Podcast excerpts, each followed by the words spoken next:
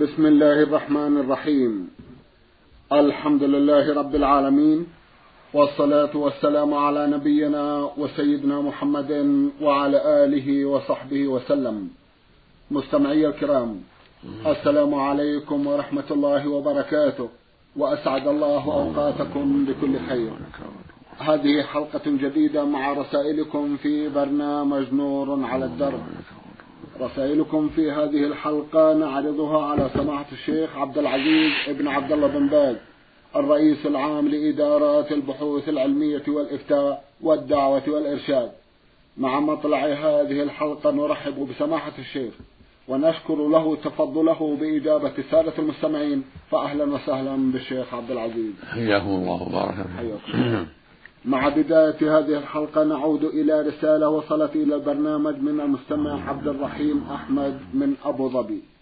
الأخ عبد الرحيم عرضنا بعض أسئلة له في حلقة مضت وفي هذه الحلقة يسأل ويقول إذا خطب الإنسان من أناس فهل له أن يذهب إلى بيتهم ليزورهم من أجل أن يتم الاتفاق على كل شيء وكذلك من أجل أن تحصل الألفة بين العروسين. وجهونا جزاكم الله خيرا.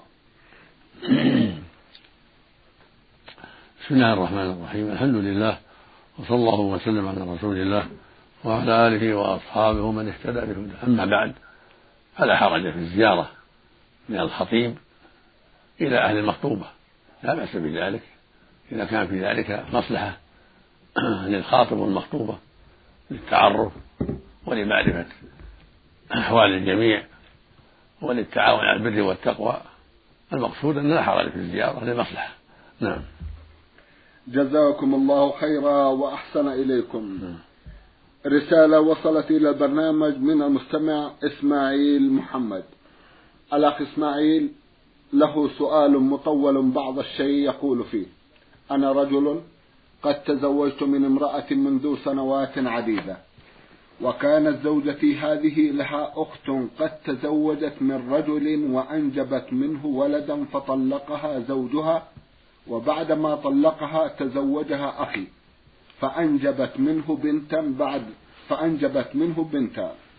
بعد أسبوع تماما أنجبت زوجتي أيضا بنتا فتبادلت الرضاع مع بنت أختي فابنتي رضعت من خالتها وهكذا بالعكس واستمرت الرضاعة لمدة خمسة أشهر. وكان حينها الولد الذي حدثتك عنه سابقا له من العمر ست سنوات. والآن وبعد مضي العديد من السنوات تقدم هذا الولد للزواج من ابنتي التي تصغر أختها التي رضعت بست سنوات.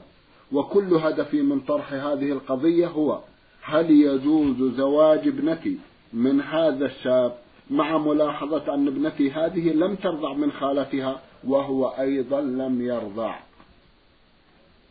عيد السؤال. يقول أنا رجل قد تزوجت من امرأة منذ سنوات عديدة. وكانت زوجتي هذه لها أخت قد تزوجت من رجل وأنجبت منه ولدا. فطلقها زوجها. بعدما طلقها تزوجها أخي فأنجبت منه بنتا. بعد أسبوع تماما أنجبت زوجتي أيضا بنتا. فتبادلت كل من زوجتي وزوجة أخي بالرضاعة فابنتي رضعت من خالتها وهكذا بالعكس. واستمرت الرضاعة لمدة خمسة أشهر. أعد أعد أنا رجل قد تزوجت من امرأة منذ سنوات عديدة. وكانت زوجتي هذه لها أخت قد تزوجت من رجل وأنجبت منه ولدا فطلقها زوجها. بعدما طلقها تزوجها أخي فأنجبت منه بنتا. بعد أسبوع تماما أنجبت زوجتي أيضا بنتا. فتبادلت كل من زوجتي وزوجة أخي الرضاعة. فابنتي رضعت من خالتها وهكذا ابنة خالتها رضعت من أمها. واستمرت الرضاعة لمدة خمسة أشهر. كان حينها الولد الذي حدثتك عنه سابقا له من العمر ست سنوات. والآن وبعد مضي العديد من السنوات تقدم هذا الولد للزواج من ابنتي التي تصغر أختها التي رضعت بست سنوات. وكل هدفي من طرح هذه القضية لسماحتكم هو هل يجوز زواج ابنتي من هذا الشاب مع ملاحظة أن ابنتي هذه لم ترضع من خالتها وهو أيضا لم يرضع؟ لا حرج في ذلك. إذا كان الواقع هو ما ذكر لا حرج في ذلك لأن الرضاعة تختص بمن رضعت. التي رضعت من أمه هي أخته لا تحل له. أما أخواتها اللاتي لم يرضعن من أمه وهو لم يرضع من زوجته فلا حرج في ذلك نعم. جزاكم الله خيرا. من أحد الإخوة المستمعين سؤالان في سؤاله الأول يقول ما حكم الصلاة على النبي صلى الله عليه وسلم بعد الأذان في مكبرات الصوت؟ السنة بعد الأذان قفل المكبر. إذا قال لا إله إلا الله انتهى الأذان يقفل المكبر. وتكون الصلاة على النبي صلى الله عليه وسلم بالصوت العادي بعد ذلك من غير أن يكون في المكبر. لأن السنة أن المؤذن يجاب. يقول صلى الله عليه وسلم إذا سمعت مؤذن فقولوا مثل ما يقول. يعني يقول مثلها الله أكبر الله أكبر الله أكبر الله أكبر. أشهد أن لا إله إلا الله إلى آخره.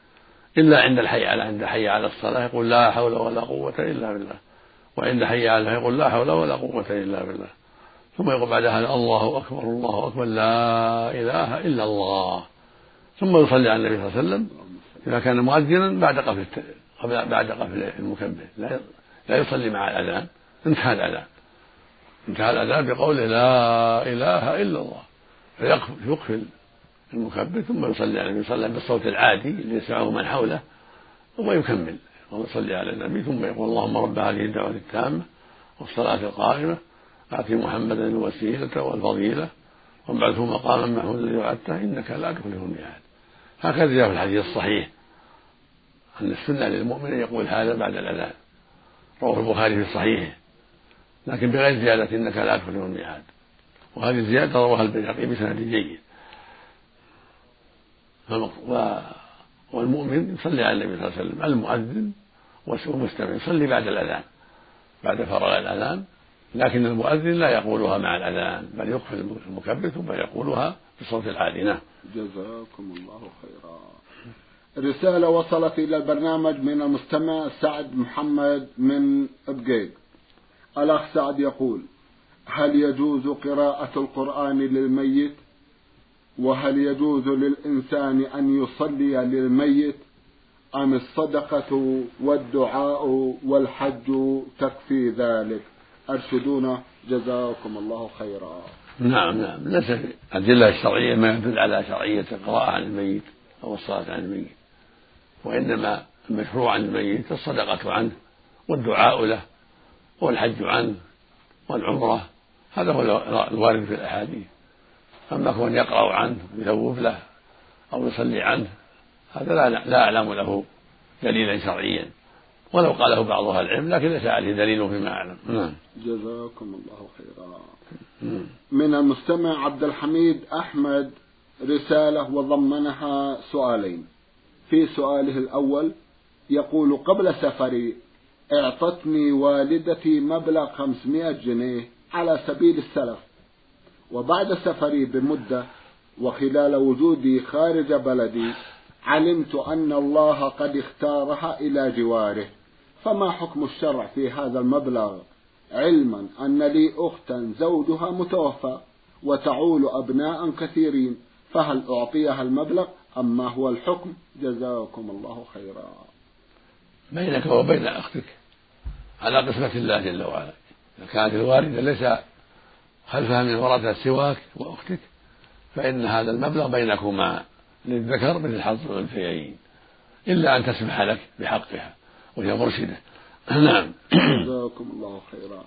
لي أخت أكبر مني بكثير وزوجها متوفى وتذهب إلى زيارته في المقبرة وبحكم أنها أكبر مني بكثير لا أستطيع أن أطلب منها عدم زيارة زوجها في المقبرة.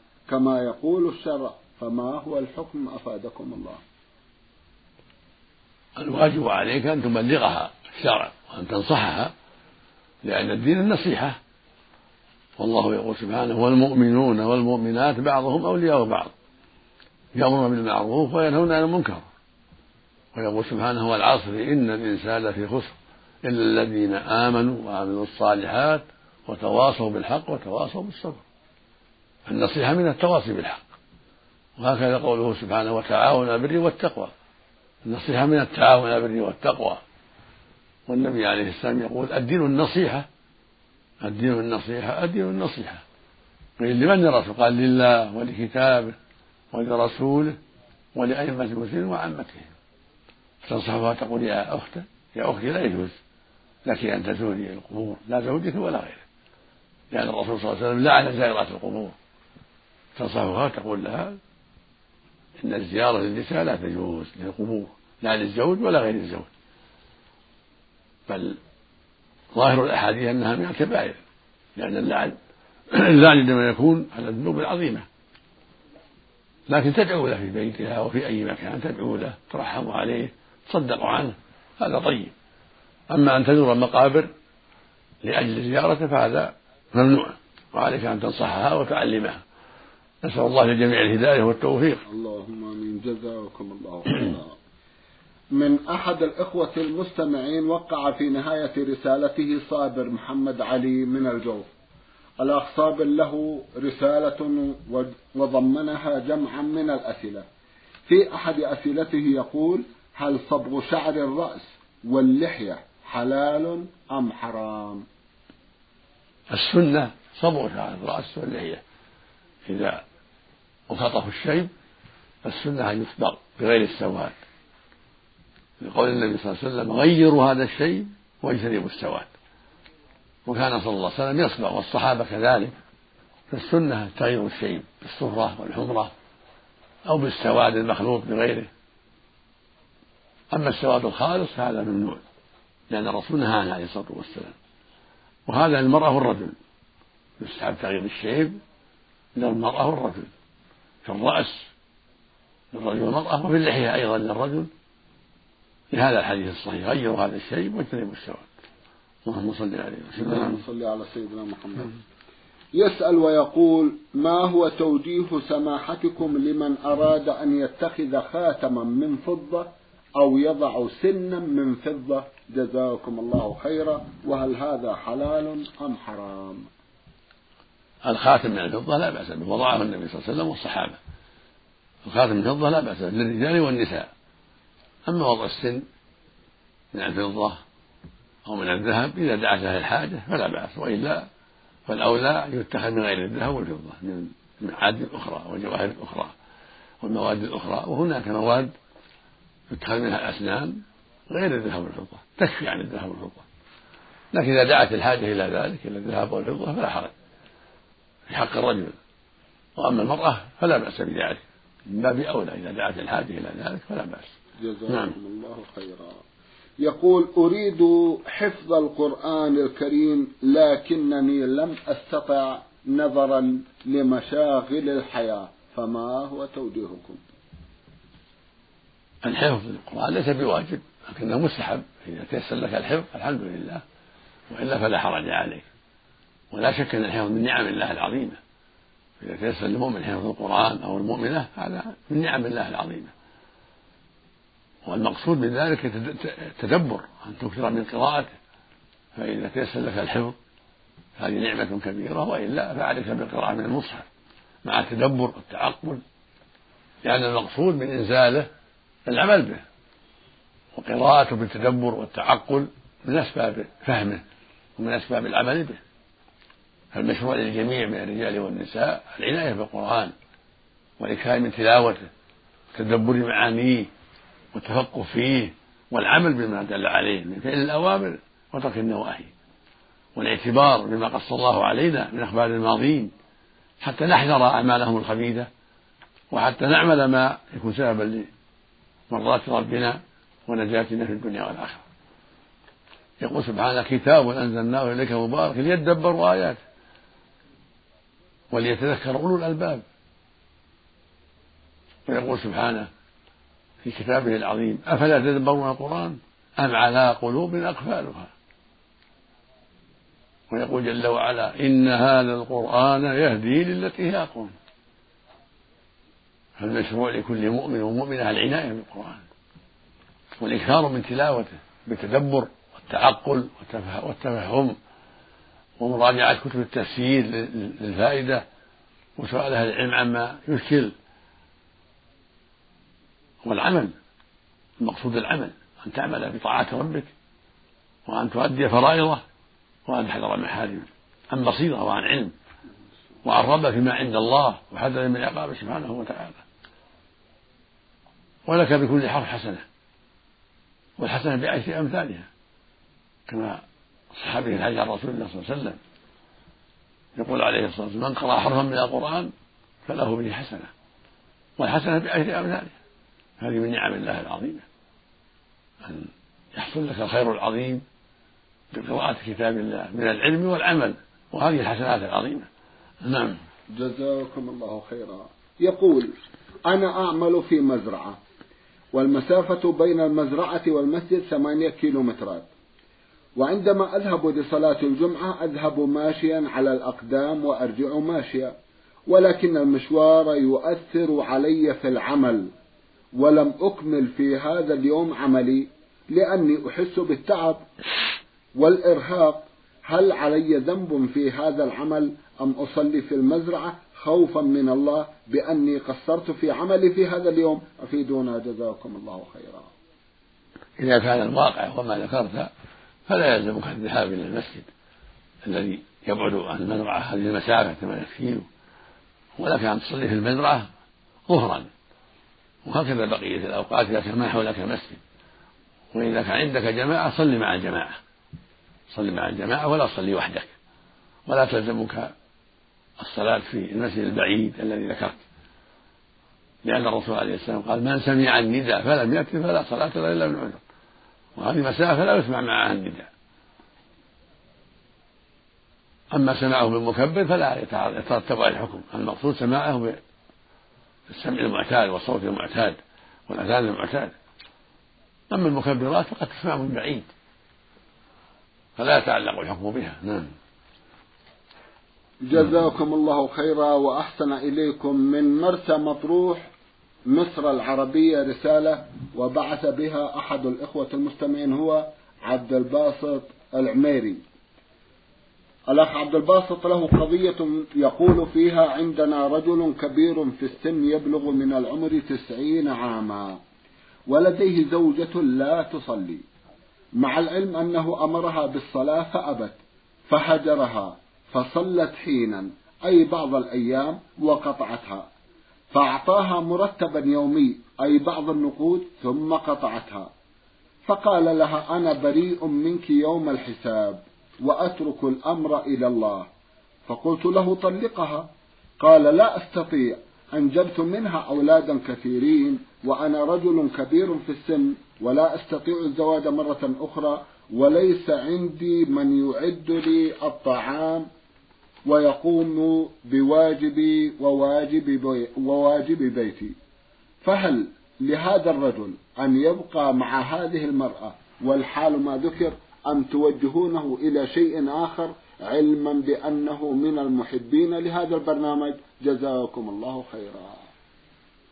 الصحيح من أقوال العلماء في هذه المسألة أن تارك الصلاة عمدا يكون كافرا.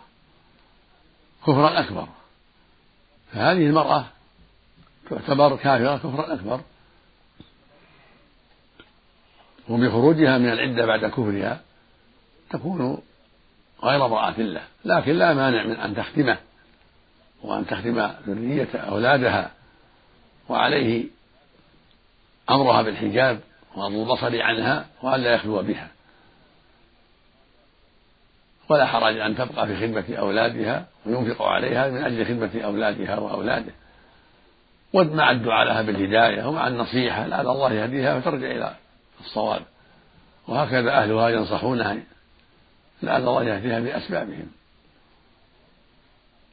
وبكل حال هو يعتبرها خادما لا زوجة ولا يخلو بها ولا ينظر إليها ويأمرها بالحجاب عنه.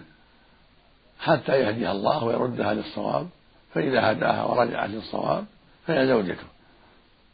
نعم. جزاكم الله خيرا. إذا لابد أن يكون موقفه حازما والحال نعم. ما ذكر. هذا الواجب عليه. واختلف العلماء. هل ترجع إليه بنكاح جديد؟ أم لا ترجع بنكاح جديد؟ لأنه لم يطلقها. نعم. وتبقى معلقة. متى هداها الله رجعت إليه. الصواب أنها ما دامت بهذه الحال. ولم ترغب بالنكاح في غيره وهو لم يطلقها متى رجعت وهداها الله فهي زوجته نعم. جزاكم الله خيرا. رجل أمر زوجته بارتداء الحجاب الشرعي فأبت. ماذا يفعل؟ يستمر في نصيحتها ويتعاون مع أهلها في ذلك. لعل الله يأتيها بأسبابه لأن هذه معصية. فعليه أن يستمر في النصيحة. ولا مانع من تأديبه لها على ذلك. تأديبا لا يضرها بضرب غير مبرح من باب إنكار المنكر. إذا كانت لا تبالي بها عند الأجناب عند الرجل الأجنبي. نعم. جزاكم الله خيرا.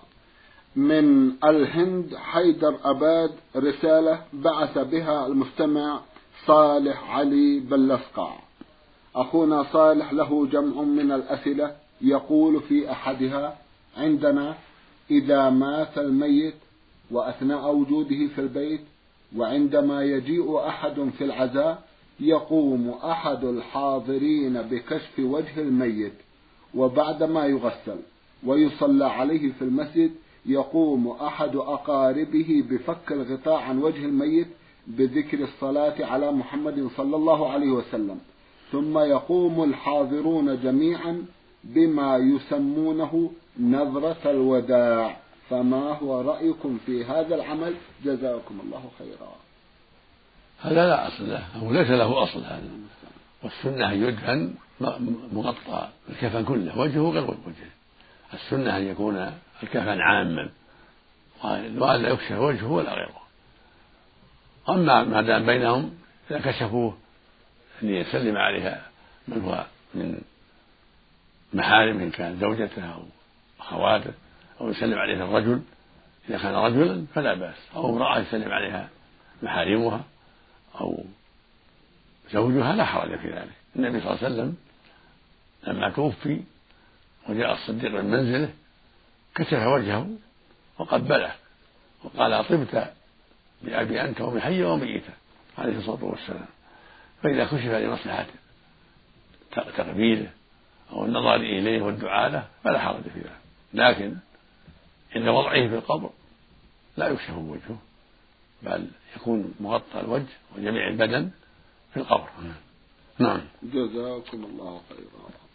هل يلقى الميت في القبر على ظهره أو على جنبه الأيمن متجها إلى القبلة؟ لأني أرى الناس عندنا يطرحون الميت على ظهره وبعد الأربعين من موت الميت يقوم أقاربه بإلقاء عزيمة كبيرة ويسمونها الفاتحة. ما هو رأيكم فيما يفعله الناس؟ السنة يوضع على جنبه الأيمن موجها إلى القبلة هذا هو السنة. فإن الكعبة هي قبلة المسلمين أحياء وأمواتا وأما هذه العزيمة فلا أصل لها بل هي بدعة. نعم. جزاكم الله خيرا.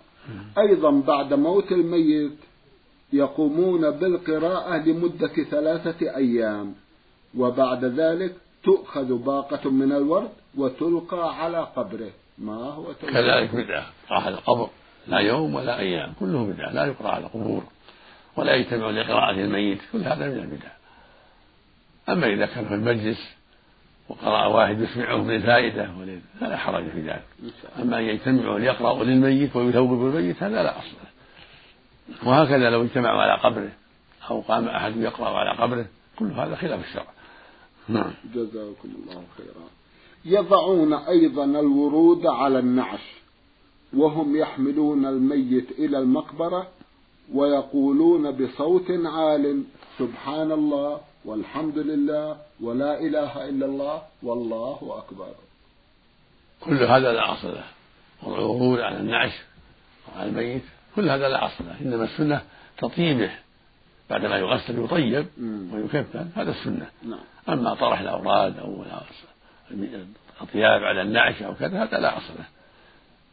كذلك رفع الصوت بالتسبيح أو بالتهليل أو التحميد أو التكبير لا أصل له.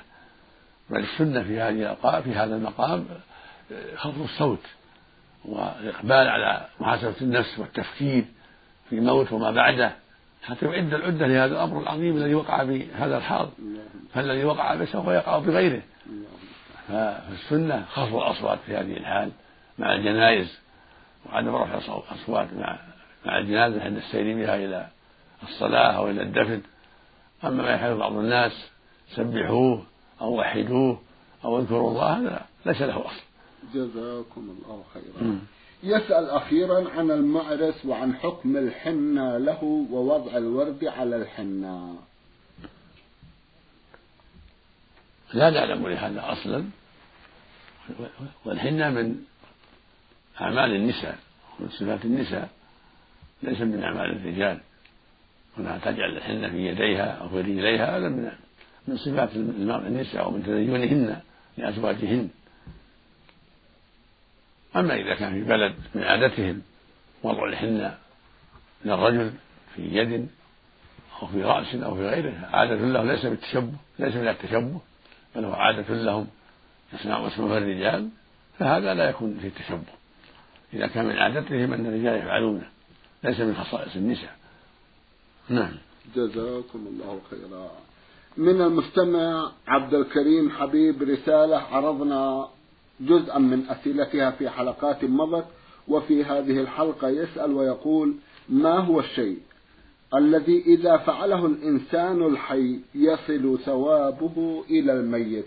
وجهونا جزاكم الله خيرا.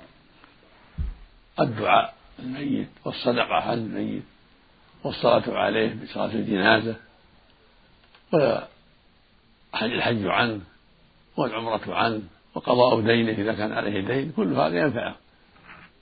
حيا وميتا. نعم. جزاكم الله خيرا. رسالة من أحد الإخوة المستمعين يسأل فيها عن قضية وقع فيها يقول حاولت المجيء إلى المملكة ولكني لم أجد إلا بعد تغيير اسمي إلى اسم شخص آخر. وحينئذ حصلت على التأشيرة وأتيت إلى المملكة بهذا الاسم. وتزوجت ورزقني الله بطفل على إثر ذلكم المجيء. ما حكم ما فعلت؟ وجهوني جزاكم الله خيرا. الكذب لا يجوز. هذا العمل من الكذب وانتحال شخصية أخرى. والانتساب إلى غير أب الإنسان محرم ومن الكبائر. فليس لك هذا العمل ولا يجوز لك هذا العمل. والواجب أن تخبر على الزوجة بالحقيقة حتى يكونوا على بينة وعلى بصيرة وأن تغير الذي معك من جواز أو إقامة أو غيرها على الحقيقة. وليس لك أن تعمل هذا العمل مستقبلا.